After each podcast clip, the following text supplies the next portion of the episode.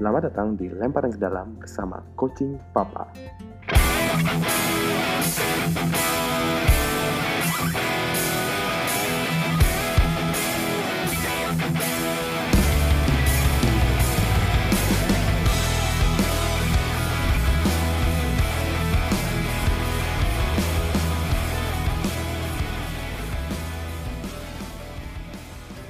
Oke oke oke. Ini adalah episode perdana dari Coaching Papa. Coaching Papa itu apa sih sebenarnya? Nanti kita akan cerita-cerita di sini.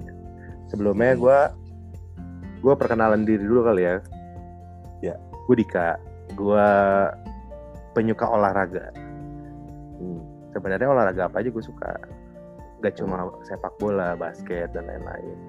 Di sini juga ada Coach Arki atau Mas Arki. Iya, Arki backgroundnya Panggil- apa? Panggilannya apa? Mas? Arki aja deh. Mas, Mas Arki Arki aja ya. deh. Pakai Iya. aja deh berarti ya. Jangan dong. Mas Arki backgroundnya apa nih? Gue juga sama sih kayak lo di. Gue Hmm. juga pecinta olahraga. Jadi dari dulu gue kecil, terus sekolah dari SD, SMP, SMA sampai kuliah, sampai lulus kuliah pun hampir setiap hari gue masih olahraga, gitu, mencoba. Jadi emang dari dulu gue suka olahraga, bahkan pas waktu kuliah nih, gue Hmm. saking saking nyuruh-nyuruh anak-anak suka olahraga, gue dibilangnya guru olahraga. Malah orang lu yang dibilangnya guru olahraga Iya. daripada guru Iya. olahraganya sendiri ya. Betul. Jadi gue dari dulu dibilangnya Pak Guru. Jadi kalau teman-teman gue dulu kuliah di Amerika manggil gue Pak Guru. Pak Guru, Oh. Pak Guru. Jadi eh, lo ada olahraga spesifik yang lu suka nggak? Maksudnya ada orang kan yang misalnya bola banget, basket banget. Hmm. Gitu. Kalau gua, Hmm. gua memang memang jatuh cinta banget sama sepak bola gitu. Tapi Sepak bola. Gue Hmm. gue sebenarnya kalau ngomongin olahraga suka hampir semua olahraga, Iya iya. cabang olahraga gitu. Terus dan kebetulan hampir bisa semua. Meskipun nggak jago ya. Cuma mungkin kalau untuk yang jago banget, pernah jago, itu gue golf sebenarnya. Oh dulu gitu. gue pas waktu kuliah sempat lumayan handicap juga single handicap eh, terus karena kesibukan dan lain hal gue sekarang udah jarang main gitu nah terus tapi yang paling gue suka nonton gitu enjoy gitu ya maksudnya. Mhm. bukan hanya main itu salah satunya sepak bola gitu. Nah sepak bola ini ya gue main dari kecil lah itu pengalaman main main di lapangan sama teman-teman dari dulu. Karena itu yang paling kayaknya kalau di Indonesia itu yang paling lumrah dan lazim kali ya olahraga. Iya, ya di dunia paling gila sih sebenarnya bola. Nah jadi sedikit cerita, gue pernah cerita-cerita lah ke Mas Arki lah tentang sepak Hmm. bola, bagaimana gue suka sepak bola. Lalu gue selalu cerita, gue selalu pengen punya impian itu Hmm. punya license sep- eh, kepelatihan. kepelatihan Iya, ya. karena karena kan du, karena du, gue suka banget main bola, gue suka ikut eh kompetisi Hmm. zaman dulu sampai Hmm, kuliah pun gue masih ikut liga kampus. Heeh, Udah berhenti tuh Oke. setelah lulus kuliah karena terlalu banyak mie instan ya. Jadi, badan badan tidak support gitu. iya iya Gue rasa ah sudah cukup lah. Jadi gue harus Hmm, uh, melihat sepak bola dari sisi lainnya gitu. Selain gue suka oke. main, gue juga penonton dan fans Heeh, sepak bola. oke Apalagi apa nih Apalagi lokal ya. Heeh, klub lokal gue suka Apa? banget. Gue dari Apa nih? umur 5 SD, gue nonton, Eh. gue udah nonton Persija di stadion. Luar lima biasa Jakmania Jakmania dari 5 SD gue udah nonton keren. Persija. berarti dulu pasti pernah terpikir menjadi pemain profesional sepak bola dong nih kalau Pasti, dari kelas pernah. 5 SD Pernah. Nah, gue SMP pernah pengen sekolah bola, jadi Ah, buka gue kayak mengirim gue ke ke ke ke, ke, ke oke. SSB Persik. terus Tapi apa yang terjadi? Pada saat itu gue ya udahlah kayaknya enakan sekolah ya. Enakan sekolah nih kayaknya. Ya deh gue ngambil ya udahlah gue putuskan gue sekolah aja sekolah biasa. Hmm. Oke. gue kayak colong-colongan masuk SSB dulu ya sebelum ditawarin itu gue juga colongan masuk SSB tapi kayak Hmm. mereka nggak nggak ya orang tua zaman dulu lah nggak terlalu support tapi Hmm. ketika mau lulus dia selalu yaudah kalau lu emang mau jadi full pemain bola ya wis sekolah bola yang benar gitu. sekolah bola. Mm-mm. karena nah tapi karena gue sukanya juga nongkrong dan main-main ketemu orang kayak gue harus ya Hmm. udah gue harus ngobrol-ngobrol aja ketemu teman lain teman baru jadi gue masuk Tapi zaman zaman dulu tuh udah mulai ada sepak eh sekolah sepak bola berarti ya. sudah Dari sudah. tahun berapa tuh? Dari tahun berapa? Soalnya gua- kalau pas zamannya gue belum ada, paling yang udah ada Pelita Jaya, ya itu itu doang. oh itu udah dari dari zaman gue kecil banget om itu udah banyak yang terkenal kayak UMS Asiop Tadi lo sempet ngomong sounding SSB, terus tadi juga juga sempet dengar kepelatihan. nah Itu, itu, dua dua hal yang menarik yang sebenarnya membuat gue terpikir untuk membuat coaching papa Nah, gitu. Nih sebelum Jadi- kita masuk ke coaching papa nih om ini ada Nah. satu hal yang ada ya satu hal yang membuat gue iri nih apa tuh? Kan gue selalu cerita tentang sepak bola ada sama lo kayak gitu kayak Iya, iya. gitu. Iya. jadi pelatih karena gue selalu Iya. bilang nonton di stadion tuh enak nonton pelatih tuh enak Nah, tapi entah kenapa kok lu duluan yang ngambil lisensi pelatihan sepak bola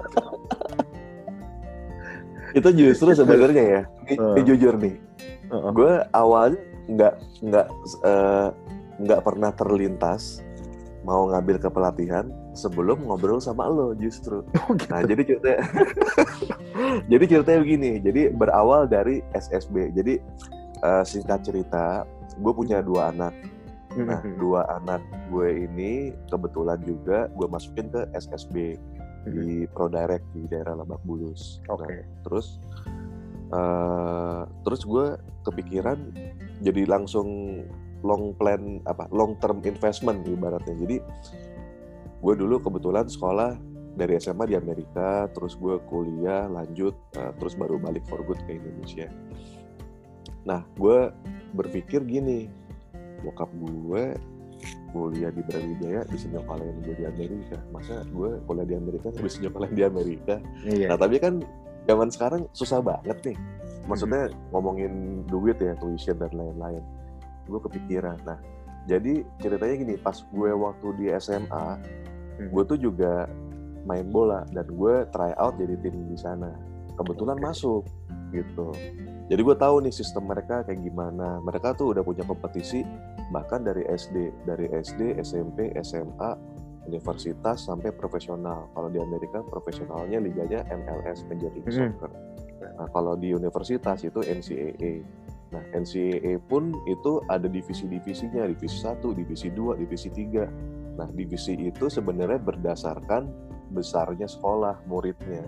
Jadi biar adil tanda kutip. Lo kan kalau sekolahnya besar lawan sekolah kecil, nomor satu atletnya kan mungkin sekolah besar punya lebih banyak pilihan ya.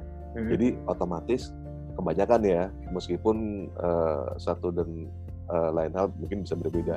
Otomatis kalau sekolah lebih besar biasanya lebih jago timnya. Oh. karena mereka dapat talent yang lebih jago dan itu udah menjadi eh, komoditi gitu. Udah udah udah industri yang jalan, udah sports industrinya baik Mhm. dari basket, sepak bola, baseball dan lain-lain. Nah, sayangnya nih gue dulu eh, nggak jago enough untuk dapat scholarship. Nah, tapi gue Oh. terpikir, wah kalau anak gue gue, gue sekolahin, gue masukin di SSB gitu dari umur 6 tahun 7 tahun gitu. Terus eh, gue kepikir eh, nanti pas SMA sama kayak gue, gue kirim ke Amerika gitu SMA. Nah terus di sana try out. Nah kalau udah 10 tahun di SSB nggak mungkin nggak jago kan, pasti bisa main lah. At least lebih jago daripada gue yang dulu gitu, yang nggak punya. Iya sih. Pengalaman gue gitu Iya. sih temen gue yang jebolan SSB walaupun dia nggak tim apa-apa gitu ya beda Tapi- sih dari megang betul bolanya Beda. ada skillnya Skillnya, megang dasarnya bolanya bener. beda. akan kelihatan kan beda nah betul, betul. sebenarnya itu tujuan utama gue awalnya jadi gue masukin anak gue ke SSB supaya mudah-mudahan nanti bisa plannya seperti itu bisa Hmm. Rekrut sama universitas di sana jadi bisa dapat beasiswa. Nah, along the way terus kan ya sebagai orang tua kita ekspektasinya juga tinggi ya kok ini itu dan lain hal gitu. Nah, terus suatu saat tuh yang gue ketemu lo Mm-mm. yang lo sempat ngomong ke pelatihan, iya gue langsung mikir, oh gue dalam hati bener juga ya. Kayaknya gue pengen ngambil aja tertarik karena gini kan anak gue kan ya namanya gue juga gue juga main bola kan. Jadi gue Ya. tahu lah satu dan lain satu dan lain hal teknis lah. Pada saat gue tanda kutip ngajarin anak gue selalu dicela sama anak gue. Lah ini bukan kayak gini pak. Karena coach ngajarinnya begini. Oh kan oke. papa bukan coach. Terus gue langsung langsung mikir wah kayaknya gue harus belajar jadi harus ngambil lisensi jadi pelatih nih biar sama-sama coach juga kan levelnya jadi sama iya. kan karena sebelumnya adalah pengen membekalkan diri anak punya basic sepak bola dan mencoba tryout di luar ketika Iya. orang tua berambisi besar Berarti anak zaman sekarang kan udah pinter ya. Jadi kayak betul. Wah lu bukan coach lu cuma papa Iya. biasa. Gitu nah itu dia. Makanya langsung gue bukan tersinggung tertantang. Wah challenge accepted. Langsung dan lagi gue ketemu lalu langsung ngobrol wah bener-bener ide yang bagus nih. Akhirnya gue ikuti lah itu. Waktu itu gue eh, gue minta bantuan. Gue ca- gue cari tahu dulu tuh di internet. Ya betul. eh, tentang lisensi D dan lain-lain. Akhirnya gue sampai minta bantuan ke coachnya anak gue. Oke. Waktu itu coach Imam dari ProDirect coach gue pengen ini juga nih pengen coba ikut lisensi. Kalau ada kabar tolong kabarin ya. Nah suatu hari nih di bulan Desember apa bulan November gue lupa dia japri gue pak ini ada buka nih kebetulan di Villa 2000 wah bener. Akhirnya gue lihat gue message bisa masih bisa daftar.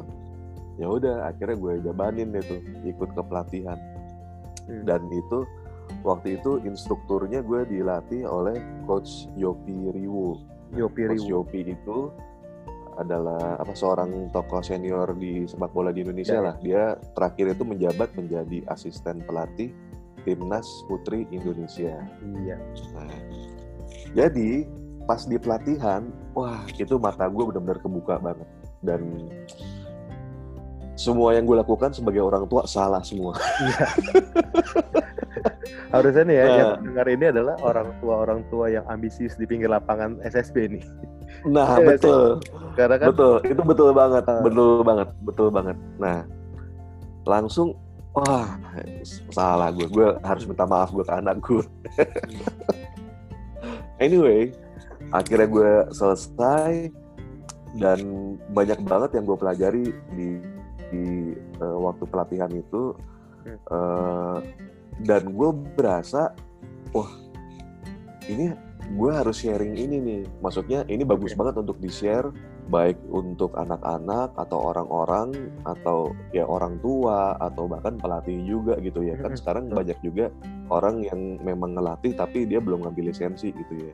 Iya, iya. gue berasa banyak banget nih eh, bukan hanya ilmu ya eh, pengalaman ilmu dan bisa di sharing nah makanya gimana caranya supaya supaya bisa nge-share-nya lebih banyak. Nah makanya waktu itu gue terpikir untuk ngebuat suatu platform namanya coaching papa gitu ya karena gue seorang papa.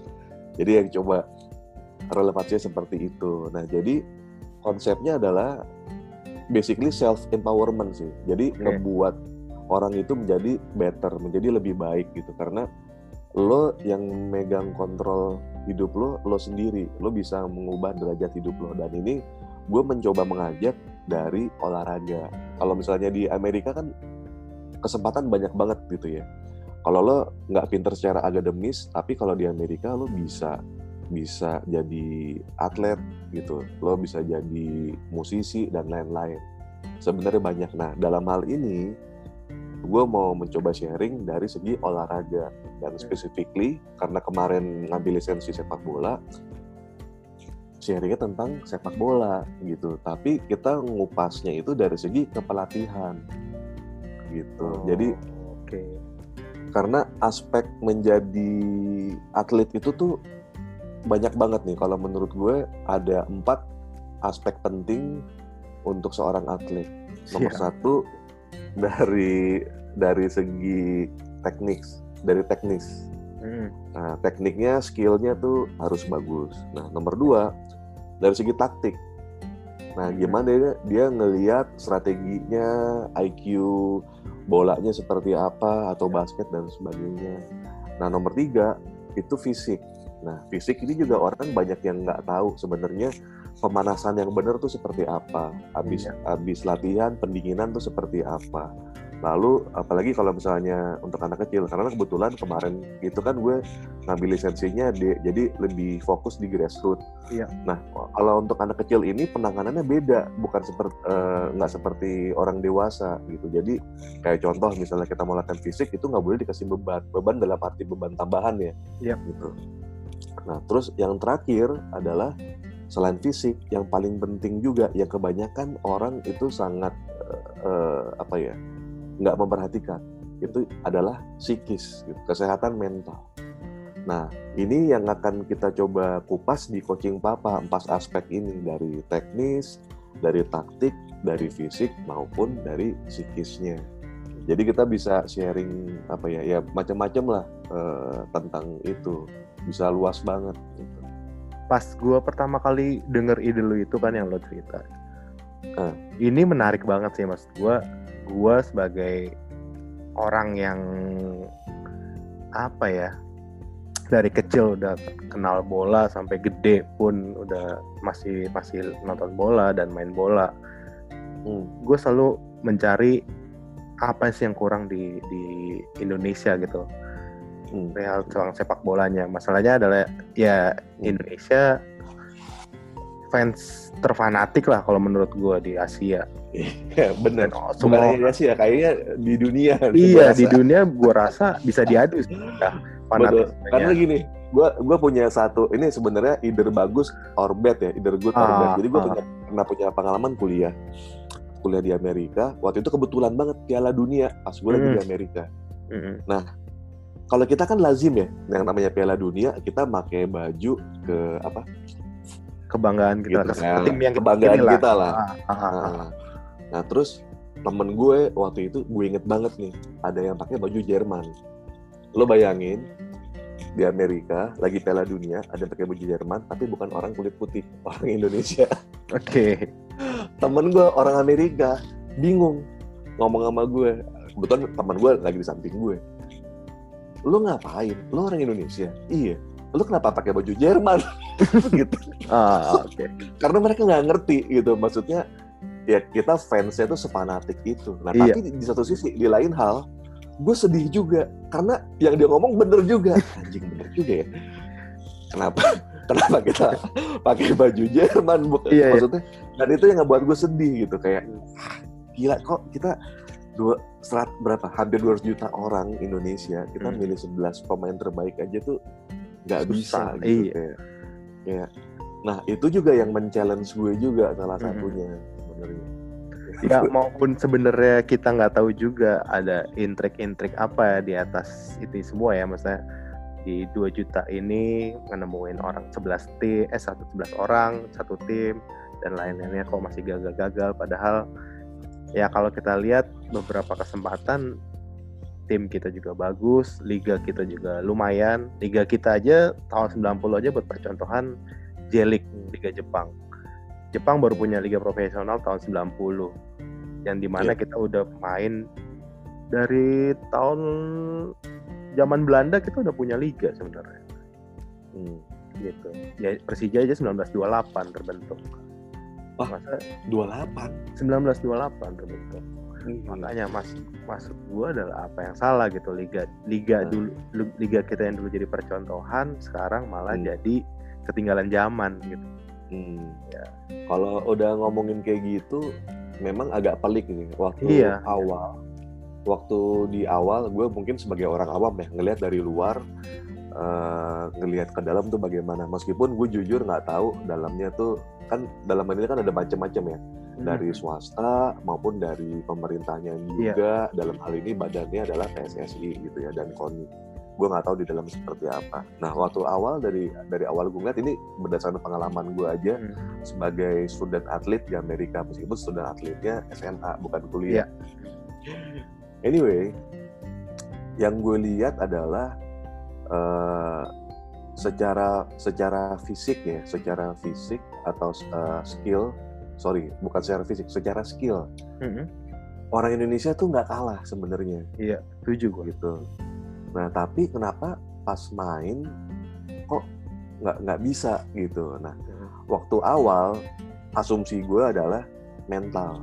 Nah Iya. mental itu eh, terbentuk karena kompetisi gitu. Nah karena kalau dari di luar itu dari SD, SMP, SMA, universitas, profesional udah ada liganya masing-masing tuh. Sementara kita bukan yang nggak ada, ada cuma nggak konsisten dan nggak menyeluruh secara nasional gitu. Kalau misalnya di Amerika ngom gue ngomongin eh, Amerika mungkin bisa enak dijadikan contoh karena mereka lumayan baru di dunia persepak bolaan.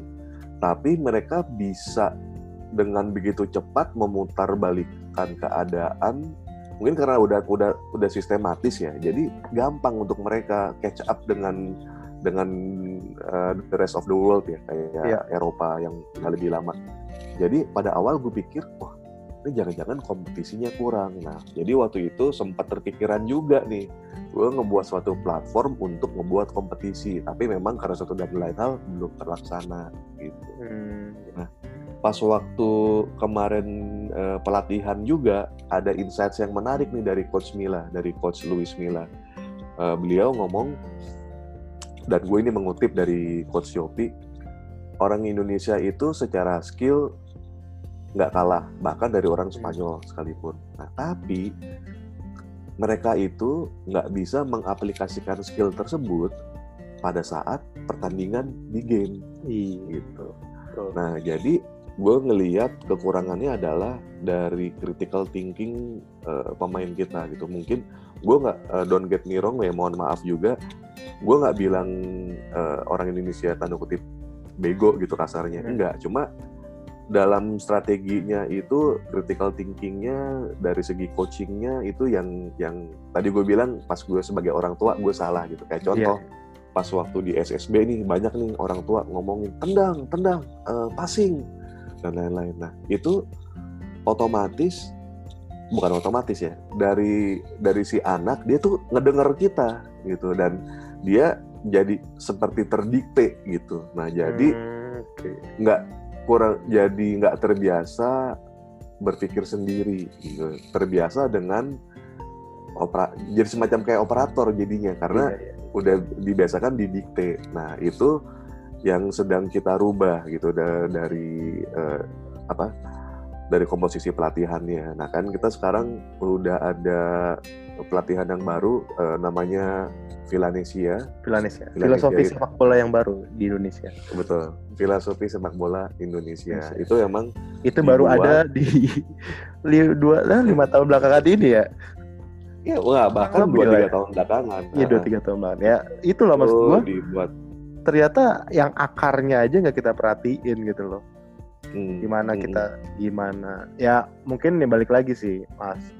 Ketika masyarakat udah sangat suka tapi bolanya begini terus jadinya Hmm. kayak balik lagi yang kayak lu bilang tadi dikte-diktean Hmm. masyarakat yang baru dijalani oleh federasi sebenarnya.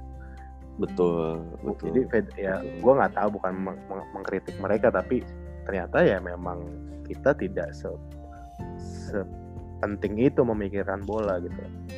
Ya, Dari, dari dasar ya kompetisi kompetisi mungkin kompetisi mu- muda aja mungkin ada baru 10-15 tahun ini dan itu Hmm. juga masih bolong-bolong Hmm. makanya ketika ya gue harap coaching papa adalah platform yang bener-bener bisa merubah paradigma nih ya kan Iya. yang yang Semoga. kita yang kita tuju kan sebenarnya bukan bukan lagi merubah taktik tapi merubah sudut pandang betul itu, itu betul. yang berat sih menurut gue betul tapi gue rasa Ya, ya ya sedikit banyak orang-orang sekarang udah tahu gitu loh Hmm.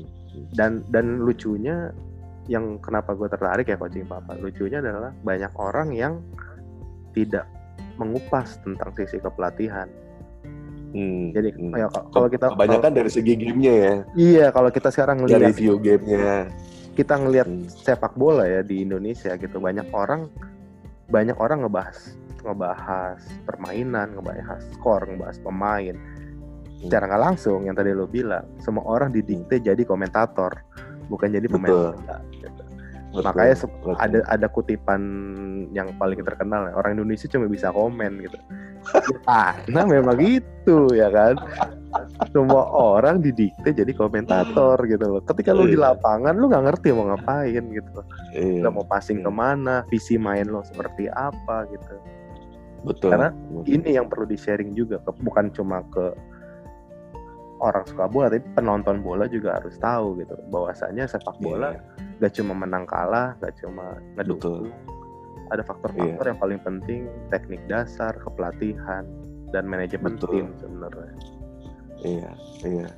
Makanya sangat sangat menarik banget karena ini bisa eh, platform ini bisa sangat luas gitu. Dan Hmm. dan lagi eh, kenapa tadi di awal sebenarnya kan misi sosialnya itu supaya bisa Hmm. bisa impactnya itu bisa banyak gitu bukan Iya. hanya satu atau dua orang tapi ya banyak ke anak-anak orang-orang semoga kontennya bisa jadi inspirasi orang bisa banyak belajar dari sini dan sebagainya karena dari sepak bola itu tadi gue bilang bisa merubah derajat hidup gitu ya kayak iya betul, kayak betul. sekarang kita ngomongin olahraga ya kita nggak usah uh, uh, kan kebanyakan kalau sekarang kan ujung-ujungnya duit nih iya betul dari dari cabang olahraga kalau gue nggak salah ya iya. kayaknya yang paling tinggi gaji atlet itu gaji atlet sepak bola gitu. Iya. Kayak kalau dunia sih ya lah.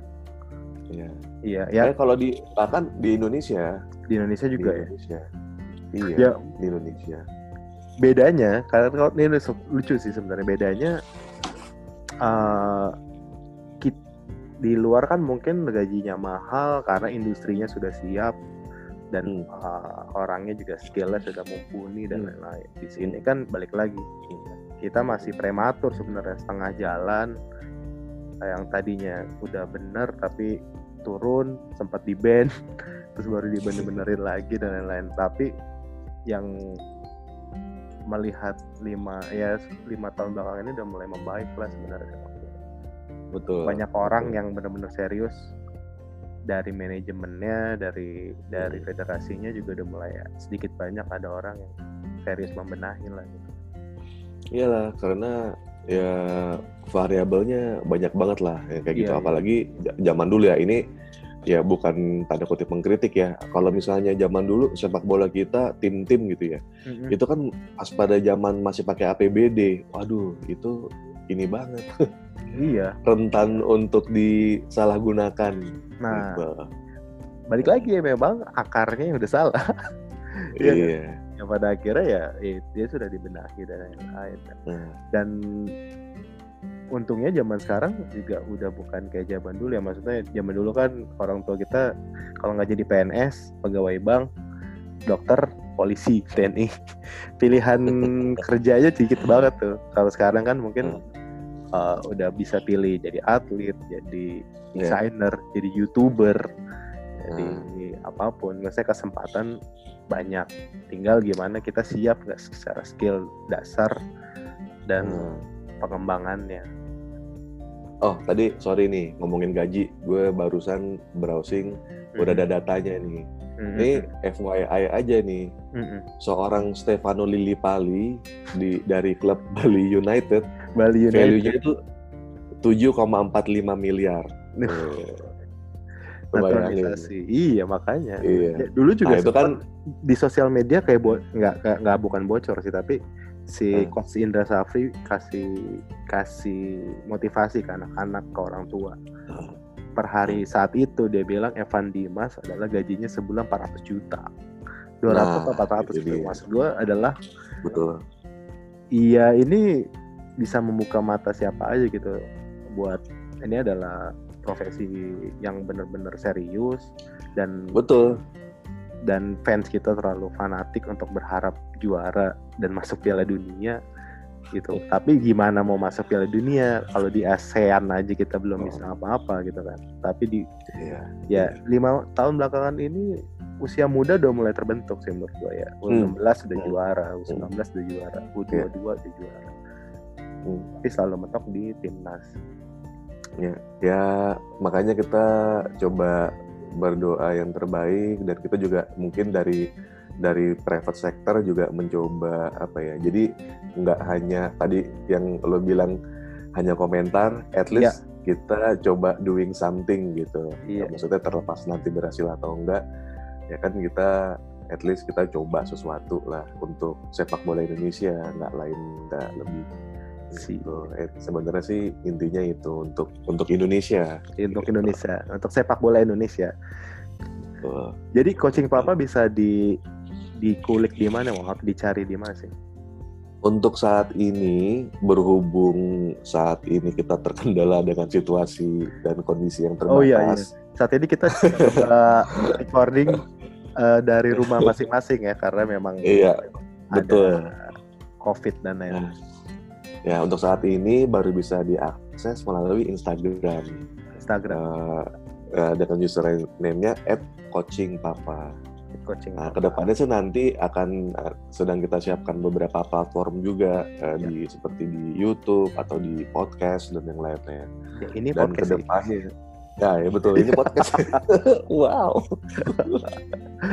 Nah, dan nanti ke depannya sih coaching papa pengennya bukan hanya sepak bola aja, jadi ada cabur Ya. lain Oh, seperti basket, tenis, badminton gitu. Karena kan memang eh yang tadi itu dari konsep awalnya untuk self empowerment gitu. Jadi untuk membuat kita jadi lebih baik lah. Iya, iya. Ya berarti bukan cuma sepak bola, berarti coaching papa ya tadi sudah dibilang kan kayak akan jadi Betul. platform semua olahraga. Betul, betul. Sekarang Yang- kita mulai dengan sepak bola dulu. Iya, betul, setuju gua. Oke Om, kayaknya Oke. sudah cukup nih Coach Arki. Siap. Jadi mungkin teman-teman yang bisa yang sudah mendengarkan bisa mencari kita di Instagram ya, Coaching Papa. Ya. At Coaching Papa. Coachnya coach bahasa Inggris ya, coaching. Ya. Nah, nanti itu bisa dicari. Kita udah ada beberapa konten dan beberapa materi dan teknik-teknik dasar yang bisa bisa diterapkan lah di kondisi-kondisi saat ini kan latihan di rumah, bersama Betul. anak gitu Iya, ya iya. supaya balik lagi kita akan merubah sudut pandang teman-teman bukan cuma mengkomentari sepak bola Iya. tapi setidaknya sedikit paham tentang tim kepelatihan dan manajemen sepak bola Iya, betul sekali. Oke okay, coach. Thank you. Okay. terima kasih juga. Nanti kita sama ketemu lagi di episode berikutnya. Iya. Bye. Dah